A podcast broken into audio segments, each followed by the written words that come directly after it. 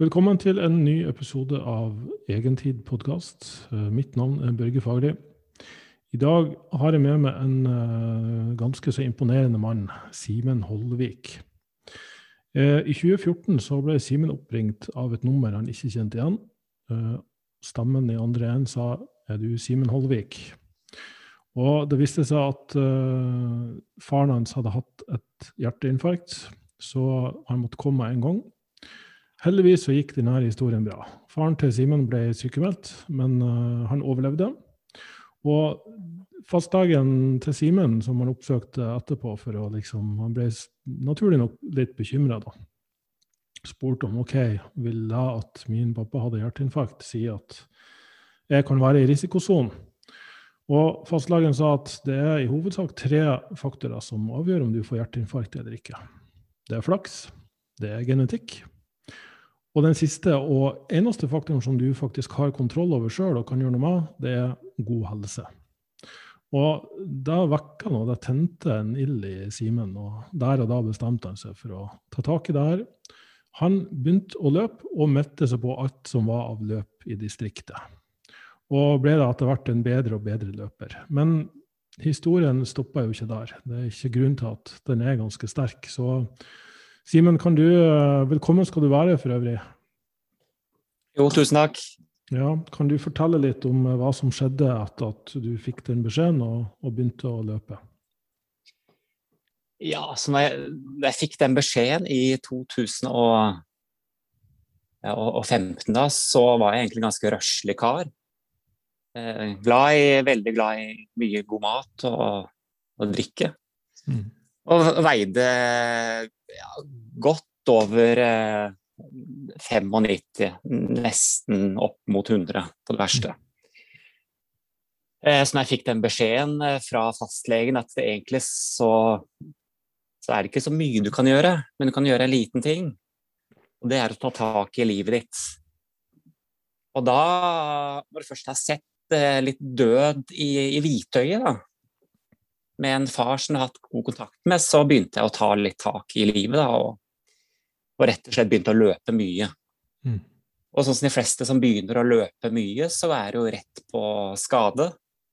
Så det første løpet som jeg løp, da klarte jeg ikke å fullføre. Det var en halvmaraton. Mm. Eh, etter hvert så gikk jo tiden, og du, jeg kom mer og mer i slag og ble ganske god. Etter hvert så ble det et ønske og et mål om å ta familierekorden på maraton, som pappa mm. har, eller hadde. Den var på to timer og 53 minutter. Og det er en eh, og det kommer under tre timer på maraton. For de som har prøvd det, det krever eh, ganske mye. Så det klarte jeg med ja, etter noen år i Rotterdam med min far eh, på sidelinjen og mm. ungene og kona mi. Og det var, eh, det var stort. Eh, så etter det så var det bare mer med løping, og du ønska jo å knipe noen sekunder her og noen sekunder der. Eh, men etter hvert så ble du litt lei av dette sekundjaget på løpinga. Mm. Og nå snakker vi om 2017. Og, og oppi alt dette her så begynte kona å kjenne på en uro og en smerte. da i hele kroppen som, eh, som bare vedvarte og vedvarte. Eh, og legene fant egentlig ikke ut av hva dette var, da. Mm. Eh, de fokuserte nok litt mer på Litt mer på type sånn eh, si, kvinne-underlivsproblemer når du har bikka 30-årene med to unger. De fokuserte jo hele veien på et eller annet rundt det her, da. Mm. Eh, og så skal jeg si, så kom vi da etter hvert til eh, sent 2017, og hun ble bare dårligere og dårligere. Eh, 2018 så bare mars så kjørte jeg jo ned på sykehuset og sa at vet du, nå må vi bare nå må du sjekke hva det er for noe. Og da var det rett inn, og, og de tok jo koloskopi og så at det var jo, dette var jo en skikkelig kreft i, i tynntarmen. Mm. Det, var, det, var, bra at du kom inn nå, hvis ikke så ville så ville jo faktisk den ha sprukket, og du hadde dødd på flekken. Så vi var jo sjeleglade at de endelig fant ut av det. Eh, og det var jo en tøff beskjed det å gi til ungene at uh, mamma har kreft, men uh, ja, dette går bra. Vi, kan, vi skal skjære det bort. Mm. Og mamma er så ung og frisk, Eh, under 40 år. så da skal vi ta godt i og så skal vi skjære bort hele den, den dumme kreften. Og så fikk de skåret bort, og etter hvert så viste jo de prøvene at de måtte ha cellegift fordi at det hadde spredd seg litt. Mm. Men vi var fremdeles positive, vi, og hun begynte på cellegiftkuren. Og ungene syntes det var spennende. Annenhver uke satt jeg med, med, en sprøyte i armen og, og fikk eh, sprøyta inn eh, den medisinen som skulle, som skulle, hjelpe mamma, da. Men uh, så ble jo den kuren etter hvert avslutta etter de behandlingene. Eh, og nå nærmer vi oss eh, sommeren 2018. Og vi var jo sjeleglade. Nå tenkte vi nå er vi, ja, vi ferdige. Skal vi feire. Så Camilla hun ja, var jo ikke helt tipp topp, men vi tenkte at dette er jo etterdønninger etter cellegift. Mm. Så hun var jo i godt humør og jobbet i servicebransjen hele sitt liv, så hun kunne jo det med å kanskje skjule litt av smerten og, og gjøre det trivelig for oss, da. Men kanskje hun innerst inne følte at nei, hun var ikke helt ferdig. Så den sommeren der så tok vi, tok vi da ferie, tok vi tog fra Vi bor i Stavanger. Tog til, til Oslo Tok Kiel-ferja, tok tog til Hamburg, tog til Paris, tog til Barcelona. Vi satt i, i togvogn og drakk flaske med vin, spiste ost. Så landskapet far forbi. Det var helt, helt fantastisk. Mm. Kom til Barcelona, tok vi fly over til Gran Canaria. Var der en uke, koste oss og fly hjem igjen. Helt fantastisk eh, sommerferie. Og i ettertid så tenker jeg dette var egentlig vår siste Det viser at det ble vår siste sommerferie. Eh, og kanskje derfor hun ga et ekstra gir. Eh, men nå foregriper jeg litt. Men i hvert fall når høsten kom, og hun hun fikk aldri den uroen ut av kroppen. Eh, og hun tok smertestillende, og det tok mer med smertestillende. Og vi eh, tenk, skjønte jo kjapt at det, dette er jo ikke, dette er ikke over. Mm. Her er det et eller annet. Men hun bet tenna sammen. Vi reiste til, til, familie i Chicago i oktober. Jeg løp eh, Chicago Marathon. Vi koste oss med masse vin og masse øl og gode venner og tok flyet hjem. Vi kom til desember. Vi hadde julefeiring og nyttårsfeiring på, på Gran Canaria med et annet vennepar.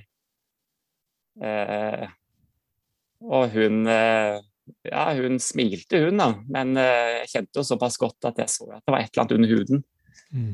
som ikke stemte. Så når vi, når vi kom hjem i, eh, i, januar, og hun oppsøkte fastlegen, og ja, fastlegen uh, ga henne bare mer smertestillende. Fordi alle prøvene som vi tok, vi tok mye prøver da, også i januar og februar, de viste ingen tegn til spredning. Mm. Men så kom vi ut i Rett og slett i ja, rundt påske, før påske. Da, da var det bare vet nå er det et eller annet, vi må kjøre henne ned. Kjørte til sykehuset, og da var det inn på MR eh, og CT, og da viste at da var det spredning. Og da var det en så aggressiv type av spredning i hele type bukregion, eh, mage og alle de bløtdelene. Og da, da, kan du ikke begynne å skjære bort ting. Eh, så da fikk vi egentlig beskjed skje, rett i fleisen at, eh, at du kommer til å dø. Eh, vi vet ikke om det tar eh, ja, om det tar en uke eller to-tre måneder. Så det var jo en, en ganske helt uh, ja, Det er en rar melding å få. Så da var det jo for min del å, å gå hjem til, til, ungene og så fortelle ungene, som da var eh, åtte, nei syv og ni år, at, eh, papp, nei, at mamma skal dø. Og de bare Ja, ja, men sist så gikk det bra. Eh, de kan jo bare, kan ikke bare skjære bort. De kan jo bare skjære bort der hvor det er sånn kreft, da. Så var å forklare er klart det er vanskelig for egentlig alle. Forklare at du kan ikke du kan ikke begynne å skjære bort, for da det er jo ikke noe mer igjen av mamma. Uh, det er jo hele, hele kroppen. Og da ja, spurte hun Ingeborg ja, kommer mamma til å dø. da? Ja, mamma kommer til å dø. Men vi vet ikke når det er, da. Så når det først fikk satt i gang, så gikk det egentlig ekstremt fort.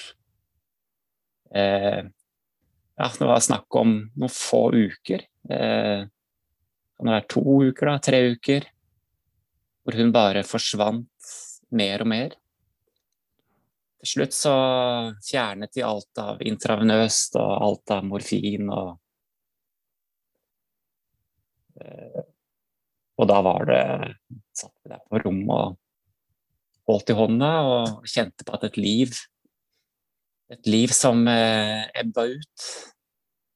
Men det legene fortalte meg, var at vet du hva, det siste som, det siste som dør, det er hørselen. Mm.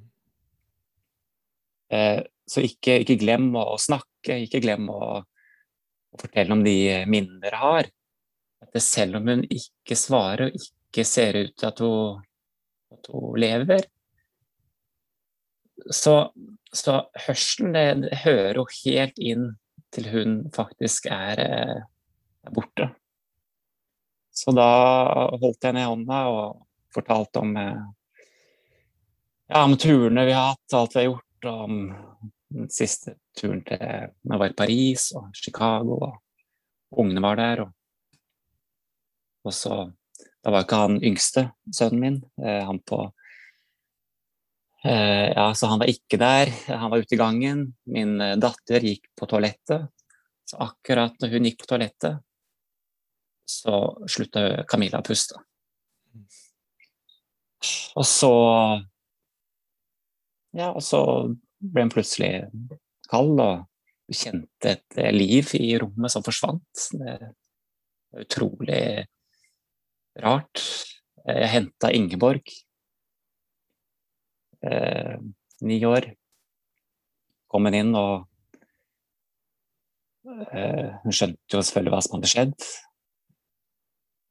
Eh, la seg om halsen til mamma og ga et kyss. Og så tok hun så tok hun mamma sitt eh, kjede og ringene. Så det var eh, Ja, det var ganske tøft, egentlig for alle. Så etter det så var det jo ja, Oppi alt så var det jo begravelse på bryllupsdagen, 11. bryllupsdag. I et uh, fint uh, hva skal jeg si, påske, påskevær. Uh, Så når dette skjedde, som var så uventa og så fort, så fikk jeg naturligvis, naturligvis, litt sånn Ja, hva skjer nå, da? Eh, ikke bare har du deg selv å passe på, men du har jo to, eh, to skolebarn. da.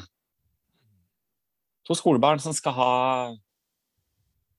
ja, som har mista sin mamma. Men de skal ha et liv, de skal ha en normal, eh, forholdsvis normal hverdag. De skal, ha, skal, skal stå opp, og de skal ha matpakke, og de skal ha et liv. Eh, når sånne ting skjer, så, er, så ble jeg fortalt vet du hva, dette er ikke noe unger. Unger klarer ikke å håndtere dette alene. Dette er Unger må ha hjelp, du må være sterk. Eh, og jeg sa hele tiden ja, men ungen er det viktigste. Nei, Eh, ungene er ikke det viktigste, det viktigste er deg selv. Eh, så nå, Simen, nå må du hente de kreftene du kan, og så må du komme deg gjennom dette her. Og så tar du ungene. Så det jeg gjorde, var å først og fremst eh, begynne å Jeg begynte å, løpe litt mer enn det jeg vanligvis gjør, da. Eh, opp til dette punktet hadde jeg egentlig løpt ganske mye type ultraløp og Men jeg har aldri, aldri vært i en sånn sone som jeg kom i etter dette. Så de gangene jeg begynte å løpe nå etter dette her utfallet, så, så var det egentlig et ønske om å si, både kjenne på en, en, smerte med å løpe langt og lenge. og Det hjalp meg på en måte å få ikke bare sortert tankene, men jeg følte helt merkelig at jeg løp inn i eh, meg selv, hvor jeg kunne finne en eh, ja, hvor, jeg, hvor jeg fant en kraft. da. Og noen ganger fant jeg et mørke. Eh, andre ganger så fant jeg løsningen på ulike tanker jeg har hatt. Så rett og slett så fikk jeg brukt løpingen til Både for å få ut energi, men også for å finne litt løsninger, da. Så etter hvert som jeg hadde kommet meg litt overpå, så begynte jeg å oppsøke en eh, rett og slett en, en psykolog. Fordi selv om jeg hadde begynt å løpe mye og fått litt kontroll, så hadde jeg aldri helt fått eh, kontroll på sørgeprosessen. Jeg hadde ikke, jeg hadde ikke grått siden begravelsen. Og hadde et stort behov for å si, For å endelig ta tak i, i sorgen og, og, være villig til å åpne meg opp og, og ta imot, imot den. Og så møtte jeg en veldig bra, en veldig bra psykolog på et type sånn pårørendesenter, eh, hvor hun sa Simen, det, det, er greit at du løper, men pass litt på at du ikke løper Du må ikke løpe fra deg selv, og du må ikke løpe, du må ikke løpe fra situasjonen som du havna i. Så hun ga meg noen, noen gode tips. Og så spurte hun er du klar til å er du klar til å, til å, til å ta imot sorgen og til å gråte? Så sa jeg ja, jeg er det. Ok, da skal jeg hjelpe deg. Da lukker du øynene. Og så gikk hun bak meg, holdt meg på skuldrene. Og så begynte hun å og ba meg si alt jeg, alt jeg husket Camilla for, og situasjoner som gjorde oss lykkelige. det var en type sånn lang ja, liksom mantra og prosess. Hun egentlig veileda meg inn i et, eh, i et rom hvor, eh, hvor, Camilla var, og de, eh, og de positive og, ja, de situasjonene og tankene. Og på et punkt der så sa hun, psykologen, at Simen, nå kan du ja, nå kan du gråte. Og da Jeg har aldri grått så mye. Helt, helt, helt utrolig. Så hun fikk egentlig åpnet opp et sånn lukket kammer da, som jeg har egentlig skjult godt. Så jeg var der et par ganger, og tredje eller fjerde gangen så sa hun Simen, nå, nå jeg på deg, nå er du klar, og nå er du ferdig. Nå er du ferdig hos meg. Nå er du frisk. Forholdsvis. Eh, så etter dette her så gikk jeg ut i livet. Jeg var sykemeldt. Gikk ut i livet, begynte å løpe og begynte å etter hvert komme litt tilbake på jobb. Eh, men det som jeg merket etter hvert med løping, var at jeg begynte å, å vinne ting. Jeg begynte å vinne løp. Jeg har aldri vunnet løp. Så når jeg løp et 24-timers løp som går på å løpe 24 timer rundt og rundt en løpebane i England, så vant jeg det løpet, da. Eh, plutselig så var jeg en av de beste i, i verden. Og ja, best i Norden, var rett på landslaget.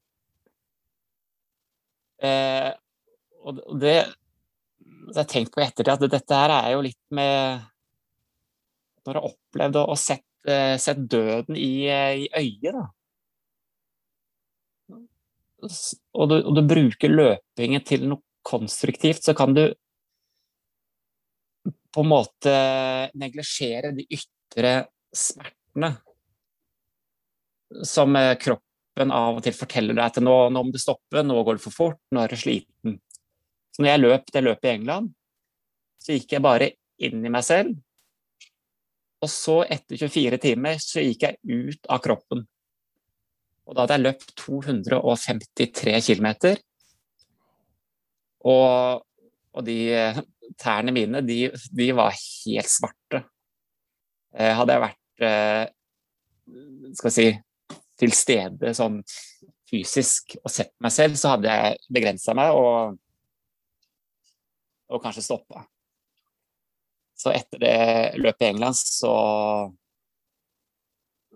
så skjønte jeg at uh, du kan styre så utrolig mye med, med psyken og det mentale. Du kan koble ut eh, kroppen. Og du kan koble ut så mye at eh, etter det løpet, den påfølgende mandagen, så var det rett til fastlegen. Og han bare Du, dette her er helt dette går ikke an. Nå må jeg drenere tærne dine. Så han drenerte stortåa, begge to.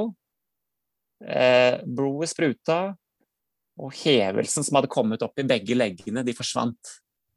Og så sa han at det hva, neste gang, selv om du ikke merker at du har en smerte, så må du, må du gjøre noe. For at, eh, nå er du i en sånn situasjon at du kan eh, du kan springe av deg beina, og du kan få, du kan få problemer. Da. Hvis ikke jeg hadde fiksa de her eh, tærne, så kunne du fått eh, store problemer med begge beina, rett og slett.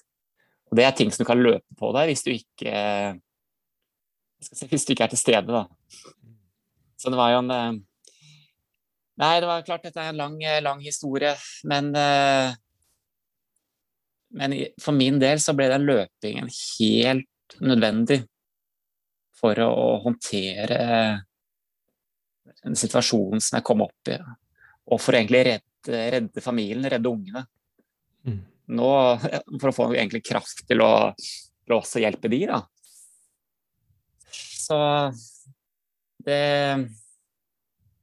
Nei, det, det er mange sider av uh, dette her med ja, hva skal vi si med det er, det er, så mange elementer. Det er så mye lag med Men det er klart det er jo synd at du må at du må se Du må oppleve død før du innser at uh, du kan egentlig både, ikke bare styre mye, men at du kan bruke løpinga til, som medisin. Da. Jeg kunne jo like gjerne uh, tatt flaska, begynt å bli alkoholiker. Mm.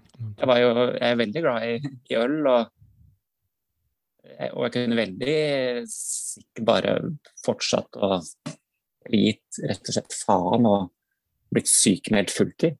Mm. Eh, så, så jeg er fryktelig heldig da, at jeg havna inn på dette her At løpinga tok meg, da. Men vil du si at det, at det er flaks, at det er hell, eller at Ligger det noe mer bak der? Hva, hva, tror du gjorde at du valgte løping eller en flaska? Jeg har nok eh, Jeg er nok litt tilbake til min far når han fikk hjerteinfarkt. Eh, der og da var det et ønske om å ta hans rekord, og den tok jeg. Og da ble det på en måte for å redde det infarktet. At det var det minste jeg kunne gjøre i mm. den situasjonen. Og da tenker jeg liksom med Camilla òg, så er det faen det minste jeg kan gjøre, er jo å bruke denne situasjonen til noe positivt. Mm. Da kan jeg i hvert fall vinne, vinne løp da, og bruke, og bruke den egenskapen som jeg har fått nå. Egenskapen med at du har sett liksom døden i hvitøyet, og at du kan koble ut og at du kan ha Camilla i hjertet mens du løper den, eh, ja, det er en Kan nesten se på som en gave. Den må jeg bare bruke. Eh, Men det, ja, istedenfor å faktisk ta, ta flaska. Mm. Eh, når det er sagt, så er jo jeg, jeg er jo av og til fryktelig ja, Rart å si det, men glad i å gå på ei skikkelig fyllekule. Eh, så skal jeg ikke si at jeg ikke Men det er klart det er forskjell på det og å la det styre hverdagen. Men jeg valgte da Som vi sier, som vi sier nordpå, at det er forskjell på å barbere seg og skjære seg i huet. Ja, det kan du godt si, ja. Mm. Så det er ikke bare det er ikke bare bare. Men eh, nei, så den løpinga, det ble redningen, altså. Rett og slett. da. Det er veldig interessant og en utrolig sterk historie som jeg satte stor pris på at du, du deler. Eh, jeg ble veldig rørt sjøl her um, mens jeg satt og hørte på. Um, jeg har også opplevd mye død i, i min familie. og jeg har vært gjennom en, eh, et sånt prosjekt som går på det med dødsangst, som en god venn av meg som nå utdanna psykolog, gjennomførte og skrev da masteroppgave på. Med hvordan vi håndterer død. Eller at mange går rundt og um, ikke vil anerkjenne død. For det eneste vi, vi, kan si med sikkerhet når det gjelder noe som helst, det er at alle sammen skal dø. Men det er veldig få som faktisk forholder seg til det. Eh, mm. og den prosessen gikk rett og slett bare på en, en form for rollespill der vi skulle gå gjennom de, de fem stadier av uh, sorgprosess som går på at først er det um, sånn at du blir overraska, og så er det at du blir dypt deprimert, og så går du i en forhandlingsfase der du ja, men Er det ikke noe jeg kan gjøre, osv. Um, og, og litt sånn hvorfor skjer det her med meg? Og, ja, og så til slutt komme til den det stadiet der du er i aksept, der du er en form for ro rundt, mm. det er uunngåelig. da. Og det var mm. faktisk utro, en utrolig fin prosess som gjorde at veldig mange Jeg så at det her ga utslag på, på hvordan jeg både tenkte og, og tok valg i, i, mitt eget liv. Og det hadde stor påvirkning på, på mange andre. Og da slår det litt at jeg som coach får jo mange henvendelser fra folk som ja, jeg vil komme i form. Um, og så, og så sliter med å finne motivasjon. Jeg sliter med å bli mm. motivert. Kan du motivere meg?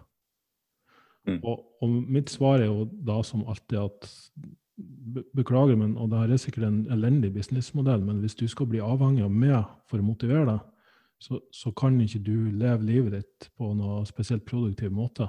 Så, så det vi må gjøre sammen, det er å finne den motivasjonen dypt inni deg som er så sterk. Finne den, den hvorfor som kan være en utømmelig energikilde utømmelig motivasjonskilde. For, for hvis du hele tida må, må, finne motivasjon, du må, du må, bruke noe eksternt for å motivere deg, da, da, da blir det sånn ferskvare, da blir det så, så um, kortvarig ferskvare at, at uh, det vil alltid være noe altså Du vil alltid drive og se etter noe der ute som kan motivere deg, i stedet for å se innover og finne, finne noe der som, som er en utømmelig kilde. da. Og, mm. og, og det du sier her, er jo Av de menneskene som har gjennomført ganske store ting, så, så fant de noe dypt inni seg som var mye sterkere enn alt annet. De fant en smerte, de fant en uh, litt sånn kanskje mer, mer, eller mindre eksistensiell krise som de snudde til noe positivt og brukte til, ja, til det du har eh, prestert, som jo er helt imponerende. Mm. Det er et godt poeng. og og det er jo Jeg har jo av og til blitt litt eh, Hva skal jeg si Ikke at du blir redd, men, eh, men det at du, at du, kan komme så dypt inn i deg selv med bare å løpe eh, Ikke nødvendigvis rundt og rundt, men å løpe i eh, et døgn, da. Så kommer du så nærme så nærme sjelen. Eller ja, nå er ikke jeg eh, der, men eh, jeg er litt Du kommer så nærme Det føles i hvert fall, da. Du kommer nærme et eller annet. Og du kommer så dypt inn i, inn i kjernen av deg selv. Inn i, inn i midten, og kall det gjerne sjelen, eller du, du, frikobler deg så mye fra, fra egentlig det fysiske, da. Og da har det også hendt noen ganger at eh, det, det, er jo ikke alltid positivt det du ser i, inni deg selv. Eh, det, blir, det, blir jo, det blir jo nesten som en eh, Ja, det er klart det er en rus av et eller annet slag. Det er jo når du, når du kobler helt ut, og du eh, Du merker jo ikke at det løper, men du, du ser inn i, inn i deg selv, og du, du ser ting du liker. Noen ganger ser du ting som du ikke liker. Du kan bli skremt. Du, du ønsker å komme ut igjen. og Det er utrolig fascinerende, rett og slett, akkurat det der. Hva, hva det mentale og hva, ja, hva det kan gjøre egentlig uten å bruke noe eh, dop, da. Mm. Mer enn det, enn det dopet du får med å løpe i, i døgn. Akkurat det der synes jeg er, det er ting som er fascinerende, men også litt skummelt. da. Ja, kroppen eh, kan jo produsere ganske mange rusmidler sjøl på egen hånd. Ja. Så, så endorfin er jo eh, morfinlignende substanser. Så. Så er Gratis, til og med. Ja, helt Ja. gratis. Eh, men det er i det hele tatt veldig interessant, for jeg tror veldig mange bruker så stor del av livet sitt også på å, på å unngå følelser, eller på å kanskje fremprovosere og fremelske kun de positive følelsene. Og nå, nå sier jeg positiv i, i hermetegner, fordi det er jo, alt er jo merkelapper. Alt er jo tolkninger vi gir det. Hva som kan være positivt for en, kan være negativt for en annen, osv. Men jeg, jeg tror det i stor grad handler om, og mye terapi dreier seg jo rundt det her med å akseptere alle mulige følelser. Det å tillate seg sjøl å kjenne på alle mulige følelser, fordi følelser er ikke skummelt. Det er ikke, det er ikke noe trussel i en følelse, det er en fysisk sensasjon i kroppen. Så, så da å Mm. faktisk tillate det å komme ut og komme fram, og selvfølgelig har det et tilhørende sett med tanker også som følger med, men, men det er noe med og, og en metafor jeg alltid pleier å bruke, eh, er det her med å sitte, sitte i sofaen og se på film. Hvis du alltid må se på hyggelige filmer for å føle det bra, så blir det ganske sånn, en sånn flat tilværelse. Det skal være Mm. mulig å kunne sitte og se på triste og kjipe filmer også, og kjenne de følelsene rive og slite litt i kroppen. For da, jeg mener at livet skal på mange måter være en berg-og-dal-bane. Du skal tillate sjøl å kjenne at følelser river og sliter i kroppen. Ellers så tror jeg du jeg tror det har poppa ut et annet sted, da, i et eller annet symptom. Som du sier, alkoholisme er jo en form for flukt fra følelser, flukt fra visse tanker og uro som man har inni seg. Mm. Jeg bruker nok løpingen sånn ubevisst for å få frem mine følelser. Mm. For å komme nærmere følelsene. Eh, det er, og dette er ikke mye Jeg tenker ikke mye på det. Men en, en tanke er det at når du, når du påfører deg selv mye sånn fysisk eh, smerte, og at du blir sliten og du er sulten og tørst og, Så på en måte så trigger det Hva skal jeg si Jeg tenker at kroppen på en måte For å for å egentlig jobbe mot dette, da, for å jobbe mot den ytre smerten, så henter den fram de følelsene som ligger der, men som du ikke får taket til, til vanlig. Fordi at da har ikke kroppen kanskje behov for dette, da. Men hvis du løper i døgn, og, og kroppen skjønner at vet du hva, jeg får verken hvile, jeg får ikke mat, og jeg får ikke drikke. Ok, Men det jeg har, det er de følelsene her, og de kan jeg bruke for å få en balanse. Noe sånt føler jeg funker for meg, da. Eller at det er det som er grunnen. Ja. Men det er jo et område som er litt spennende å, å tenke på. Ja, og jeg, jeg, jeg tenker på mye av Det var jo en sånn, for noen år tilbake en sånn biohacking-bevegelse. Um, og, og hvis vi ser bort ifra liksom, hvordan du kan gjenbruke kaffegruten din, liksom, så, så syns jeg i hvert fall det nyttige vi fikk ut av det, det var det her med å begynne å se på livet fra et større perspektiv. Ikke bare på hvordan du kunne gjøre ting så smooth og enkelt som mulig, men også hvordan du kunne um, utfordre deg sjøl på alle mulige måter. Fordi let's face it, vi bor i et moderne samfunn der, og en velferdsstat der vi blir veldig godt tatt vare på og sydd puter under armene på og, og pakka inn i pledd, liksom. Eh, Mm. så, så da å bevisst gå ut der og møte fryktene sine, utsette seg for smerte, eh, ta isbad, eh, badstue, altså både bruk temperatur, bruk eh, gå på fjellet og få høyde, altså lavere oksygentilførsel. Eh, rett og slett oppsøke utfordringer og, og mestre frykt. For jeg tror det er veldig menneskelig eh, og på en eller annen måte føle at du utfordrer deg sjøl og mestrer noe, og eh, bygger det opp, utvikler det, eh, utforsker av nysgjerrighet. Eh, altså være en utforsker eller en vitenskapsmann som bare måler alt. Eh, møte det ukjente. Eh, finn, finn, gode problemer og løse problemer. Da tenker jeg er, er det mest menneskelige vi har. Så, så, ved å unngå det, så, så tenker vi vi blir sånn at vi, vi, skaper problemer der det ikke er problemer. Altså rett og slett, Finn, finn gode nok problemer til at du slutter å skape problemer for deg sjøl. Da, tror jeg mm. kanskje var, kan være et godt mantra. Mm. Et godt poeng. Jeg hadde jo en, Interessant. Uh, ja, jeg hadde jo en, uh, en, en, gjest her på episode fire, uh, Hans Christian Smedsrød. Jeg vet ikke om du kjenner til han? Jo da, han er fin kar. Ja. Ultraløper og et tema vi tok opp både når jeg var gjest på hans podkast og han kom som gjest på min egen, det var det her med, med løping som traumeterapi. Og, og han uh, var jo av den oppfatning at svært mange som driver med ultraløping, nettopp fordi ultraløping er såpass ekstremt, det var mennesker som hadde opplevd traumer i livet sitt. Så det var på en, mm. en, form for PTSD-terapi, altså. Kjenner du deg mm. igjen i, i, den beskrivelsen? Jeg, jeg vet at for det mm. personlig så, så, stemmer det, men du har sikkert møtt mange også i, på din vei som driver med det samme? Ja, uten tvil. Det, og det har nok Hva skal jeg si Det er litt når vi løper ultra, så er det ofte at det løper sammen. Det løper sakte. Det gir rom for både diskusjoner og, og samtaler i timevis. Og da kommer du ofte inn på i hvert fall sånn et par, tre-fire timer inn på de mer nære ting. Mm. Og da, da, er jo folk villige til å åpne seg.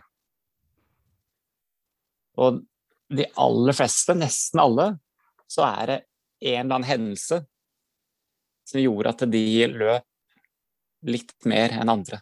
Mm. Og at de har fortsatt og ikke stoppa. Så det, det, går helt klart igjen. Det er eh, Ja, nå skal ikke jeg si alle, men eh, nesten 90% av de som jeg løper med, der, eh, der er det ulike grader av Det kan være en, en, barndom, det kan være en trafikkulykke, det kan være sykdom. Det kan være Det trenger ikke å være død, men det kan være situasjoner som har gjort livet vanskelig. da. Mm. for seg selv. Og da, da, er det rett og slett eh, medisin å, å komme ut. Ikke bare løping, men det å også snakke med andre mennesker. da. Mm. I den løpesettingen hvor du løper rolig, sakte, og, og det er rom for uh, de dype samtalene. Mm. Kroppen åpner seg opp på en helt annen måte når du løper rundt. Snakketempo, ny, ny betydning, ja. rett og slett. Mm. Ja, nei, jeg syns det er utrolig fint i hvert fall å få høre hva skal man kalle litt alternative måter å håndtere følelser på. For, for nå går det jo veldig mye i Og jeg er veldig, veldig for med det her å snakke om ting. Uh, min coaching går jo på å ha ukentlige samtaler med folk, og det har jo løfta det til nye nivåer. rett og slett. Vi får tak på mm. Bare der å liksom skal følge et kostholdsprogram og, og en treningsplan. Um, at det går litt dypere i, i mennesket. Og man får så mye større endringer uh, på, på, alle plan som gir seg utslag på, i alt fra jobb til, til privatliv. Um, ja.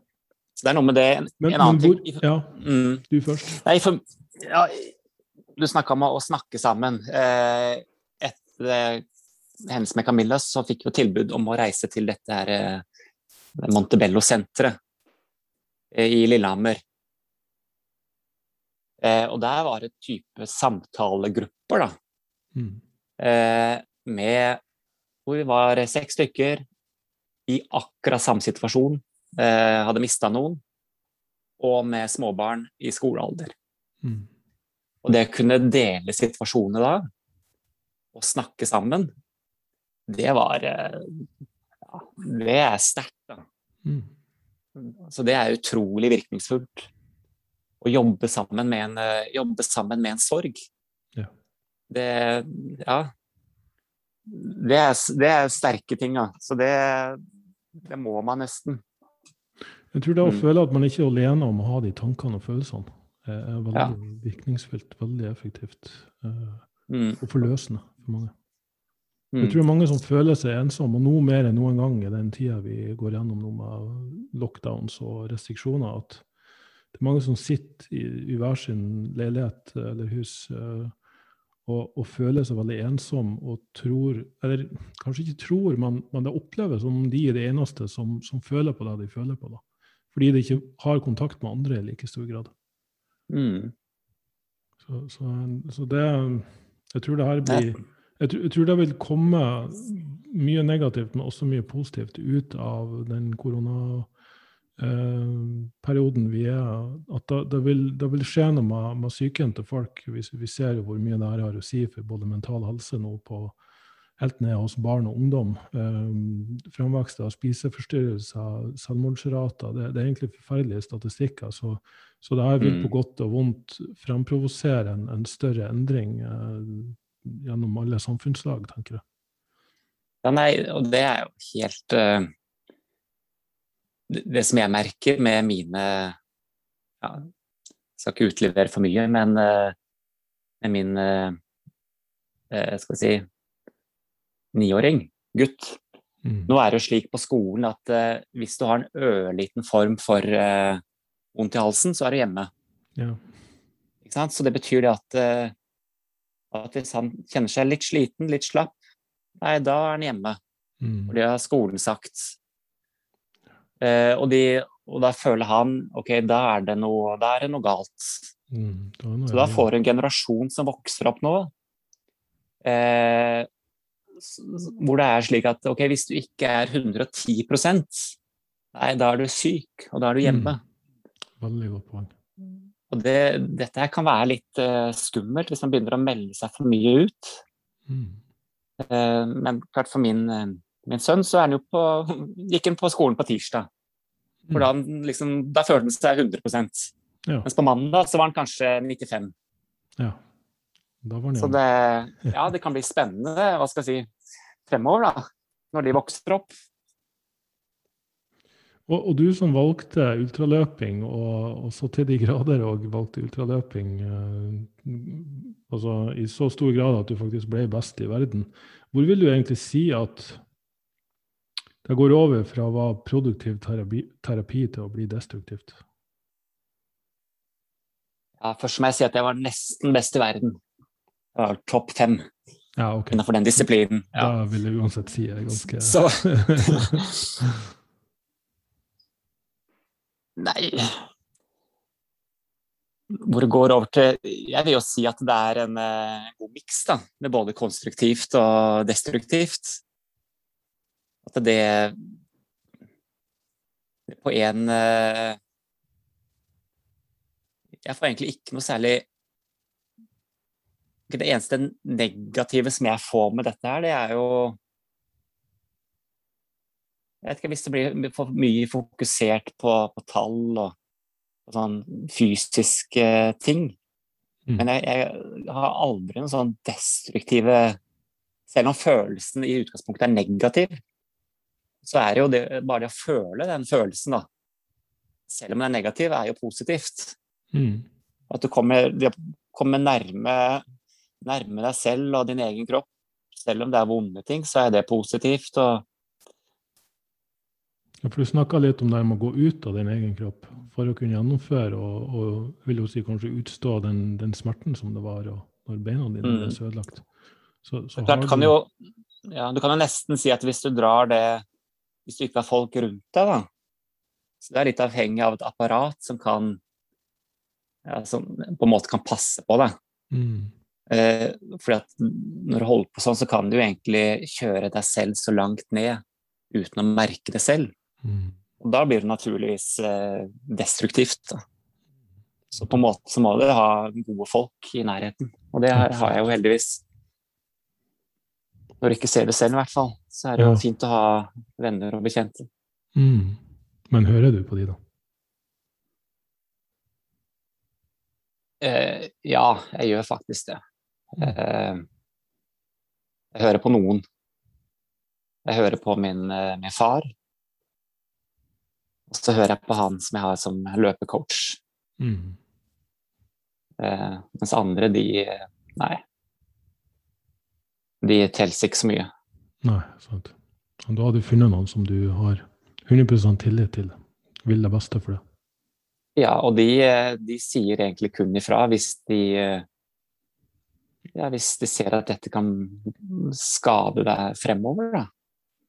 Eh, det er klart det er litt vanskelig for min far å se sin sønn løpe rundt med en smerte som han ikke ser selv. Mm. Men hvis det er en smerte som kan repareres innen kort tid, så vil jo ikke han gripe inn. Men hvis han ser at det sjangler rundt og ja, og kanskje løper med et brukket bein, så vil han jo reagere. Mm. Men det var litt sånn når vi løp i Måndalen, så var det 24 timers løp. Hvor han var coach. Det var eh, minus fem-seks grader, og, og, da var jeg ikke til stede. Visste ikke hvilken vei jeg skulle løpe. Og han måtte sånn sett støtte meg til å bevege meg rundt. Og da sa han i ettertid at vet du hva, nå var det rett før, eh, rett før jeg stoppa deg, for når eh, du kom til å besvime. Mm. Men så er det så på kanten at det gikk greit. Etter hvert så fikk du kommet deg opp, og du fikk beveget deg rundt. Så det er helt prisgitt å ha mennesker rundt deg som, som kan hva skal det, drite litt i, i sånn smerte. Det er ikke smerte som betyr noe, men hvis det er reelle skader og, og ting som kan bli farlig, så, så griper inn. Mm. Selv om det er også vondt for dem å se på at du sjangler rundt. For det her er utfordringer mange har med å, å ha et støttesystem. For, for ofte når, når, noen begynner å skal endre på sitt eget liv, ta tak i helsa, matvaner, treningsvaner, så, så møter de veldig mye motstand blant andre. Og mm. det er jo Min oppfatning er at det er gjerne folk som kanskje sjøl ikke føler at de får gjort noe med sitt liv, og at det er satt ekstra sterkt søkelys på hvor mye de sjøl har begrensninger å, henge etter, da, når de ser at andre tar tak i det. Og dermed vil de gå og så projisere det her ut av det. Nei, det her kommer du ikke til å klare, og det her er ikke noe poeng å gjøre. Så, så jeg, mm. jeg, tenker det, det, er forskjell på hvordan kan man lære seg å kjenne igjen de som egentlig bare prøver å dra det ned og holde det nede og holde det igjen fordi de sjøl sliter med sine ting, og de som faktisk genuint ønsker det beste for det og backer det helt til at de ser at det her er destruktivt. At OK, det her er destruktivt aktivt, da bør du stoppe meg. Kontra mm. det her må du stoppe meg, fordi ellers så føler jeg meg utelatt eller uh, alene her nede. det går jo det er et sånt fint ord da, som heter uh, energistøvsuger. Mm. Så de som, de som, kan støve ut energien din, ja, de trenger du ikke å forholde deg til på den måten. Mm. Så for eksempel, for min del så jobber jeg, jeg er utdanna sivilingeniør i eh, data. Og jobber i et miljø hvor det er ingen som løper. Eh, så de har ikke noe forhold til, til det jeg holder på med, og de, de har ikke noe interesse. De, de være, alt jeg gjør, er ko-ko. Mm. Så da, da, velger jeg å, sånn sett, å holde det som er helt, helt løpefri sone. For at det kommer ingenting godt av det der. Om du, så, om du, vinner løp, eller om du er på landslaget eller et eller annet, så er det umulig for en som ikke trener eller løper, å, å si at dette er sunt. Mm. Og da, Jeg har ikke noe problem med å forholde meg til sånne, men uh, da velger jeg heller kanskje andre arenaer, da. For å diskutere løping og liv og For å heller diskutere IT og data på jobben. Mm. Og det er jo greit, det. Du trenger ikke å prakke på folk eh, om å løpe i sirkel for å komme inn i sjelen sin. Det, det kan jo være litt mye å kreve òg. Ja, ja. Ja, pick your battles wisely er noe som heter. Og, ja. og det er med å unne alle sin egen prosess. Det er ikke alle som ja, kan forventes å være der du er, når du tross alt har gått gjennom det, det du har gjort. Så skal det jo ganske mye til for å, for å forstå det må ha litt respekt overfor menneske, menneskeliv. Det er, det er, greit. Folk må ha lov til å ikke løpe. Mm. Og det må være lov å ikke ta tak i livet sitt, tenker jeg da. Absolutt. Ja, og det, det skal ikke jeg drive og, og disse noen på. Nei, men Jeg håper at denne historien kan inspirere noen. For, for hvis at vi skal være avhengig av at man skal møte døden eh, på så nært hold og, og gjentatte ganger for å, for å, ta tak i ting, så, så er det jo litt eh, Kanskje litt bortkasta tid, da. Man kanskje går og, og luller seg inn i litt, litt sånn trygghet og ikke vil anerkjenne eh, det man faktisk kan møte på i livet sitt. Mm. Så det som jeg har i utgangspunktet, så var jo, eller er jo jeg en helt vanlig mann. Begynte å løpe i 2015. Mm. Da var jeg overvektig og jobba mye og ja, sånn som de aller fleste er. Glad i øl og grillmat og sover lite. Så etter som, er, som de årene har gått, så har jeg fått veldig mye tilbakemeldinger fra ja, Det er ikke så mange som ønsker å si det direkte, da, men type meldinger på Facebook og Instagram og, hvor de sier 'Veit du hva, Simen? At du har inspirert meg til å ta tak i livet mitt'. da. Mm. Og, det, og det varmer. Og så spesielt så var det jo nå rundt skal si, For en måned siden så var jeg i Trondheim hos mine svigerforeldre. Eh, og da trente jeg på et treningssenter som heter 3T da, i Trondheim. Ja, og så da fikk jeg melding av en, eh, av en kar. Du Simen, eh, jeg har lyst til å møte deg. Jeg har aldri sett den, jeg, vet, jeg husker ikke hva han het. og Det er ikke noen venn av meg. Mm. Og så jeg ser at du er i Trondheim, jeg ser at du skal på 3T. Kan jeg møte deg? Når passer det? Ok, det er klokka 11. Resepsjonen der. Så kom jeg der, og der satt en kar, da. Sa veit du hva, Simen. Eh, du har gjort at jeg har begynt å løpe og ta tak i livet mitt. Da. Wow. Jeg, har hatt, jeg, har hatt, store problemer. Eh, og nå Den historien din, det å følge deg, eh, og litt av den Kall det gjerne galskap, men, men, det du styrer med, det, det har gitt meg energi. Mm. Og da kjente jeg sånn klump i hjertet, da. Det, hvis, hvis, det er, hvis det er én, bare én sjel i verden da, som kan få litt trøst av min historie, mm. så kjenner jeg, vet du hva, da, da, er, eh, da er ikke Camilla sin død fullstendig bortkasta. Mm. Så han tok jo bilde, og jeg ble så uh, rørt, da. Og Nei, og det er en god historie. Så det er mange Takk, rundt ja. der som kan føle sånt. Ja. Jeg tenker et uh, ærlig tall over én uh, må være målet her. Med ja. du driver med. Så, og nå har du satt uh, ganske hårete mål. Du skal løpe Norge på langs. Ja, det begynner 1. juli. Ja.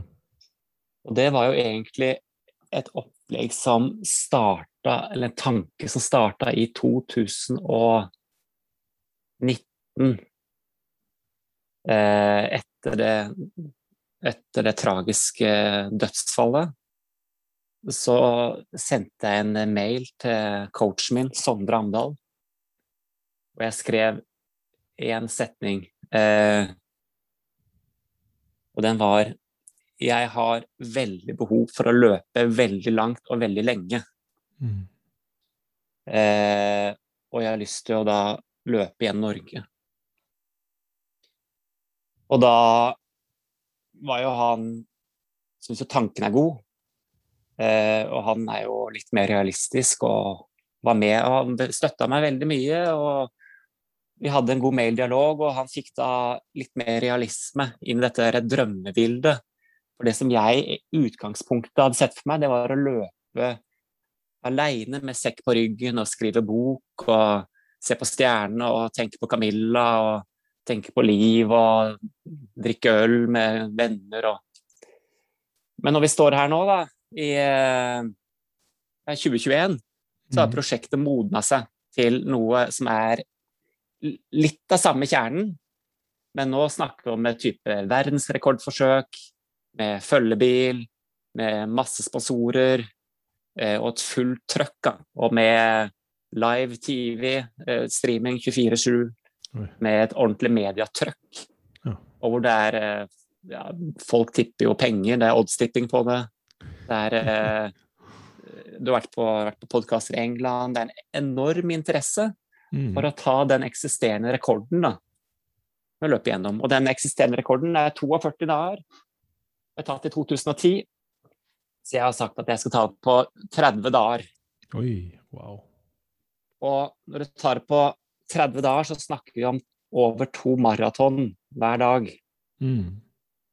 Eh, og, og da er det Det er litt sånn Ja, at ikke, det er ikke 100% gitt at dette går. Det er ikke bare snakk om å Hadde jeg sagt 42 eller 40, så ville jeg tenkt ja, ja, det, det skal jeg få til. Mm. Under 30 så begynner du å få en sånn eh, en nerve i historien. At det her er en mulighet for at det ikke går. Og da har du litt mer spenning i det. Mm. Du kan følge med hvor det er, hva skjer. Og den tilbakemeldingen jeg får fra alle, er at vet du hva, vi skal møte opp, vi skal løpe sammen. Og dette blir hele Norge som er med. ja. Mm. Så dette er et eh, Og selvfølgelig så er jo min far med, da. Han skal Ja. kjøre den følge, følgebilen. Kult. Så det, og det som er litt sånn stor dimensjon i dette her også, er jo at uh, uken før jeg begynner, så skal det være en gjeng som skal sykle fra Lindesnes til Nordkapp. Mm. Hvor han skal sette verdensrekord i uh, solosykling. Oi. Sånn aleine, uten uh, drifting. Ja. Eh, og vi har et lite samarbeid eh, hvor alt overskuddet går til Barnekreftforeningen. Mm. Så han skal, på den turen skal han ha med seg en, en bomullsengel som ble laget av eh, av noen i den på den barnekreftavdelingen eh, som ikke lever lenger. Mm. Den bomullsengelen den skal han ta med opp til Nordkapp, og så skal jeg ta den engelen ned igjen ved å løpe. Mm.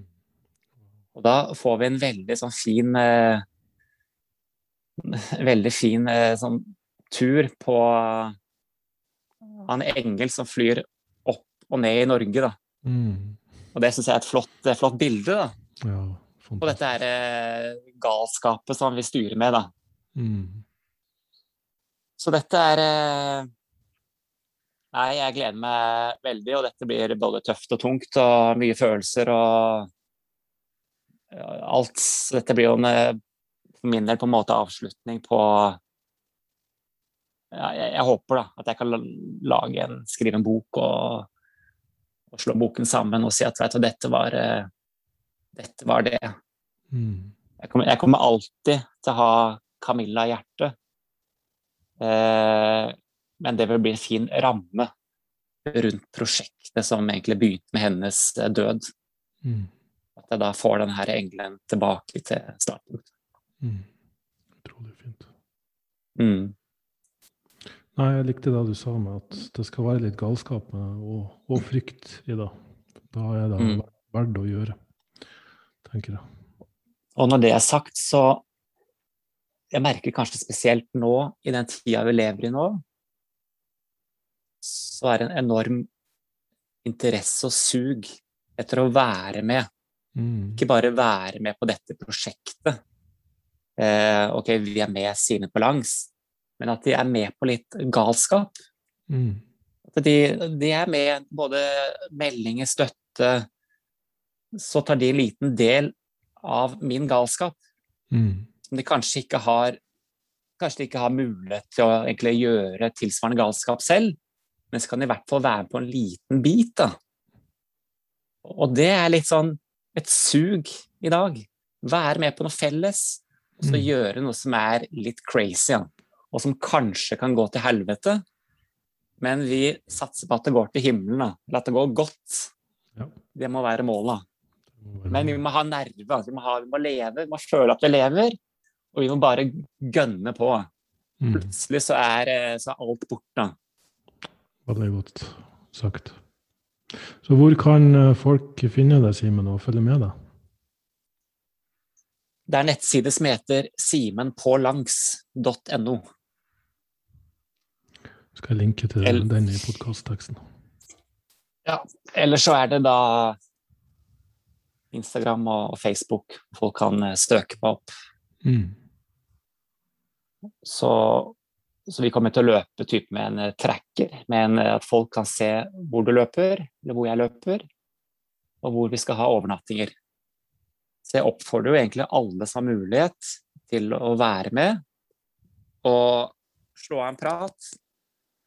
Eh, gjerne ta med noe godt å drikke, om det så er øl eller uh, whatever, og mm. sjokolade. Og så kan vi også sette oss ned noen minutter og så se på stjernene. Ja. Det, det, det, håper jeg. Ja. ja. Jeg sender herved ut en oppfordring til alle som hører på, til å, til å være med og støtte. Og kanskje til og med eh, ta en, ta en øl med, med Simen. Det er bra. Og dette er som sagt Norge på langs. Eh, korteste veien i Norge. Og da snakker vi om E6 og, og, de veiene som kan løpes. Mm. Ja, men Kjempebra, Simen. Jeg setter utrolig stor pris på at du uh, kunne være gjest på min podkast, og, og, for at du delte en så, så, sterk og fin og inspirerende historie. Tusen takk skal du ha. Takk. Men kan jeg få nevne én ting? Ja, vær så god. Du, eh, du er jo fra Tromsø, er du ikke? Jeg er fra Sandnessjøen. Ah, ja. Eh, jeg må bare få takke en, eh, en sponsor. Eh, vi skal jo være ute i den bobilen hele veien. Hele mm. uka. Eller he, hele månedene. Hele måneden. Eh, så jeg har fått eh, ja, Hvis du spør min coach hva problemet er, så er det jo okay, dette med skader og restitusjon og at det er stor fare for at det ikke vil funke. Da. Jeg må bare takke, takke Drytech med, med Real Turmat-produktene som vi kommer til å, å kjøre på. Mm. Og de har noen eh, Alle kjenner disse oransje pakkene med biff stroganoff og alt det, det greiene der. Ja. Eh, så kommer vi til å kjøre på en De har en grønn versjon som er sånn Nato-rasjon. Eh, Nato-godkjent. Ja, okay. Så jeg bare anbefaler folk å teste ut den. Litt mindre fokus på at det skal være biff stroganoff og at det skal være kjempegodt. Men der er det 100 1300 kilokalorier i hver pakke. Mm. er bare anbefalt folk bare teste ut den, hvis de ikke har sett den grønne. Ja. Den, eh, den, kjører vi på. Ja, ikke sant. Nei, men det, yes. da er det herved formidla til uh, lytterne. Men så må jeg takke for at, fikk, eh, at jeg fikk, uh, fikk, være med. Ja. Jeg har jo ja, hørt uh, mye på deg, og du har alltid vært en, uh, alltid vært en stjerne. Helt ærlig. Ja, yes. ja og, stor pris på. Det var uventa. så til, til, vanlig så Selv nå så er jo jeg glad i, i liv og både vin og, og, god mat. Men så har jeg tatt opp en del tips fra deg, da. Mm. Eh, når jeg skal inn mot løp, Eh, så kjører jeg en sånn eh, litt eh, lavkarbo med den her mye proteinfokus. Mm. For å trimme av. Og, da, og det har jeg vært, ekstre, vært ekstremt vellykka. Snakk gjerne måned... Ja, ja. Mm. At da måneder før så får jeg faktisk trimma bort Det er jo ikke så mye fett det er snakk om, men noe er det og så er det mye væske. Mm. Og så kommer jeg i sånn kampmodus. Mm. Rett og slett At hjernen skjønner vet du hva, nå er det proteinfokus og, og lite carb og lite fett. Og nå, nå er vi der. Mm. Så det, Der må jeg takke for den der, for den har ikke jeg uh, uten deg, så hadde ikke jeg vært der. Da. Ja, nei, du, bare hyggelig, da. Ja. Du kunne bidra med noe som helst. yes. Nei, så kjør på. Det, det skal du gjøre, vet du. Ja. men Da får vi forsøke å avslutte her. Eh, nesten, nesten, litt vanskelig å avslutte med. Jeg blir så inspirert av å snakke med sånne folk som deg, Simen. Men igjen, tusen takk. takk. for at du vil være med oss, og får du ha masse lykke til med dine prosjekter. Jo, tusen takk. Yes.